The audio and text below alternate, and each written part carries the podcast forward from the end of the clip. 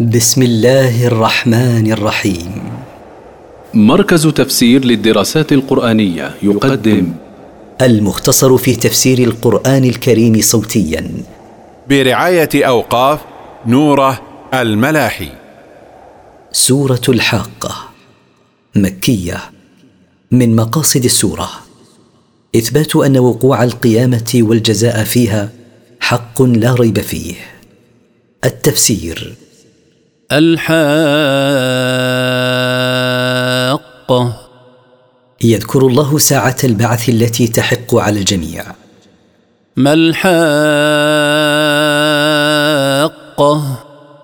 ثم يعظم أمرها بهذا السؤال أي شيء هي الحاقة؟ وما أدراك ما الحاقه وما أعلمك ما هذه الحاقة.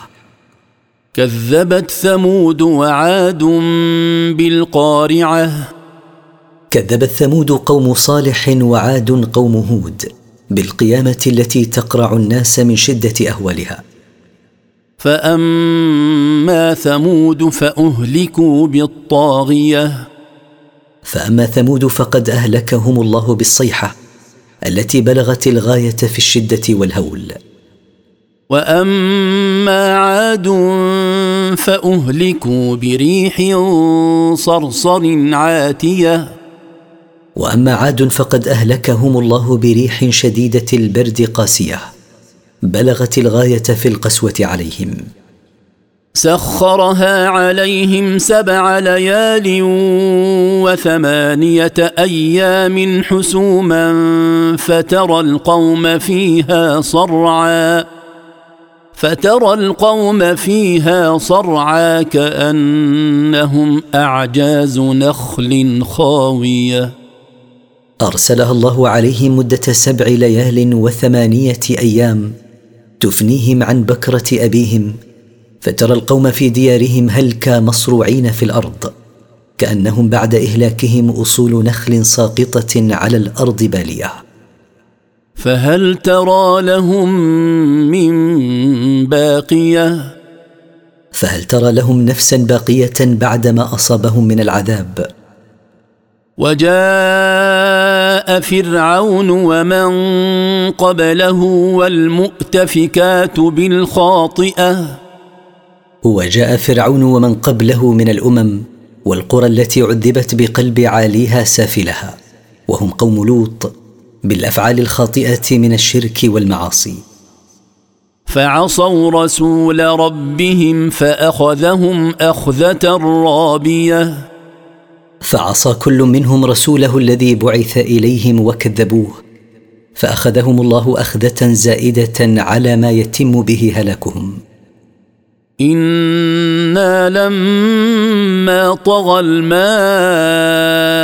حملناكم في الجاريه أنا لما تجاوز الماء حده في الارتفاع حملنا من كنتم في اصلابهم في السفينه الجاريه التي صنعها نوح عليه السلام بامرنا فكان حملا لكم لنجعلها لكم تذكرة وتعيها أذن واعية.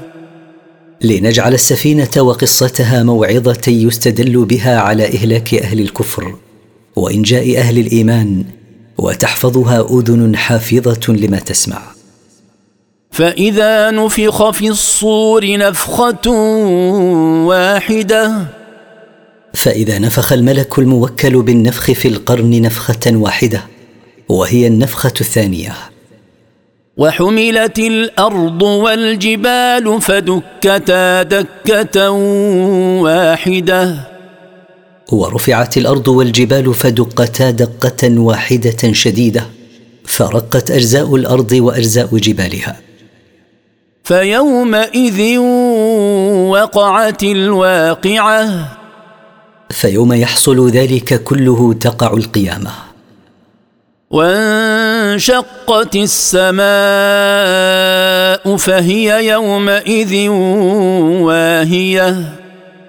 وتشققت السماء يومئذ لنزول الملائكة منها فهي في ذلك اليوم ضعيفة بعد أن كانت شديدة متماسكة. والملك على أرجائها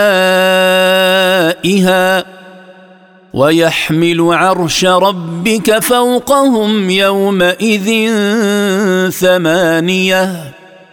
والملائكة على أطرافها وحفتها ويحمل عرش ربك في ذلك اليوم العظيم ثمانية من الملائكة المقربين.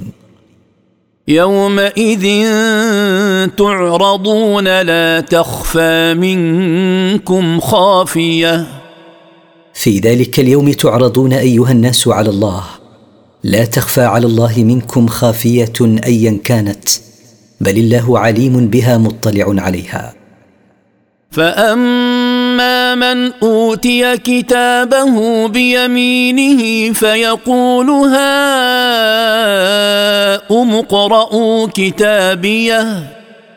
فأما من أعطي كتاب أعماله بيمينه فهو يقول من السرور والبهجة. خذوا اقرأوا كتاب أعمالي. إني ظننت أني ملاق حسابيه.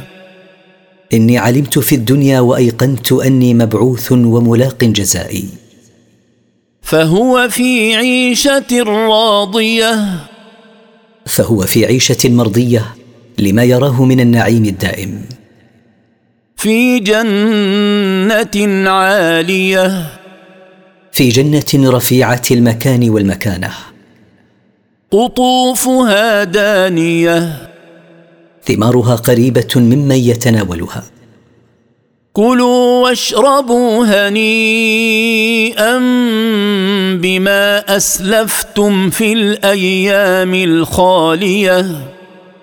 يقال تكريما لهم كلوا واشربوا اكلا وشربا لا أذى فيه بما قدمتم من الأعمال الصالحات في الأيام الماضية في الدنيا.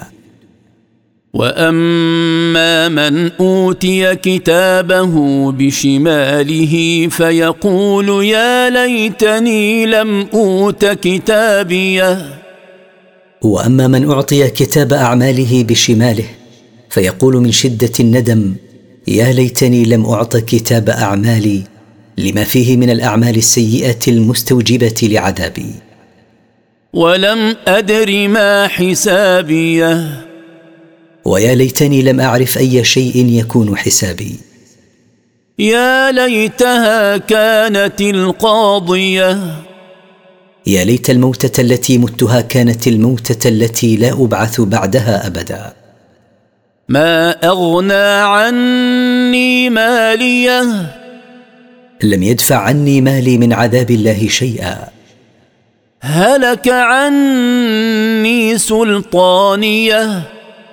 غابت عني حجتي وما كنت أعتمد عليه من قوة وجاه. خذوه فغلوه.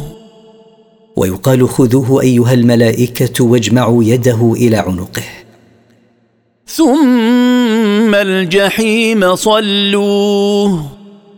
ثم أدخلوه النار ليعاني حرها. ثم في سلسلة ذرعها سبعون ذراعا فاسلكوه. ثم أدخلوه في سلسلة طولها سبعون ذراعا. إنه كان لا يؤمن بالله العظيم. إنه كان لا يؤمن بالله العظيم. ولا يحض على طعام المسكين. ولا يحث غيره على إطعام المسكين. فليس له اليوم هاهنا حميم. فليس له يوم القيامة قريب يدفع عنه العذاب. ولا طعام إلا من غسلين. وليس له طعام يطعمه إلا من عصارة أبدان أهل النار. لا يأكله إلا الخاطئون. لا يأكل ذلك الطعام إلا أصحاب الذنوب والمعاصي.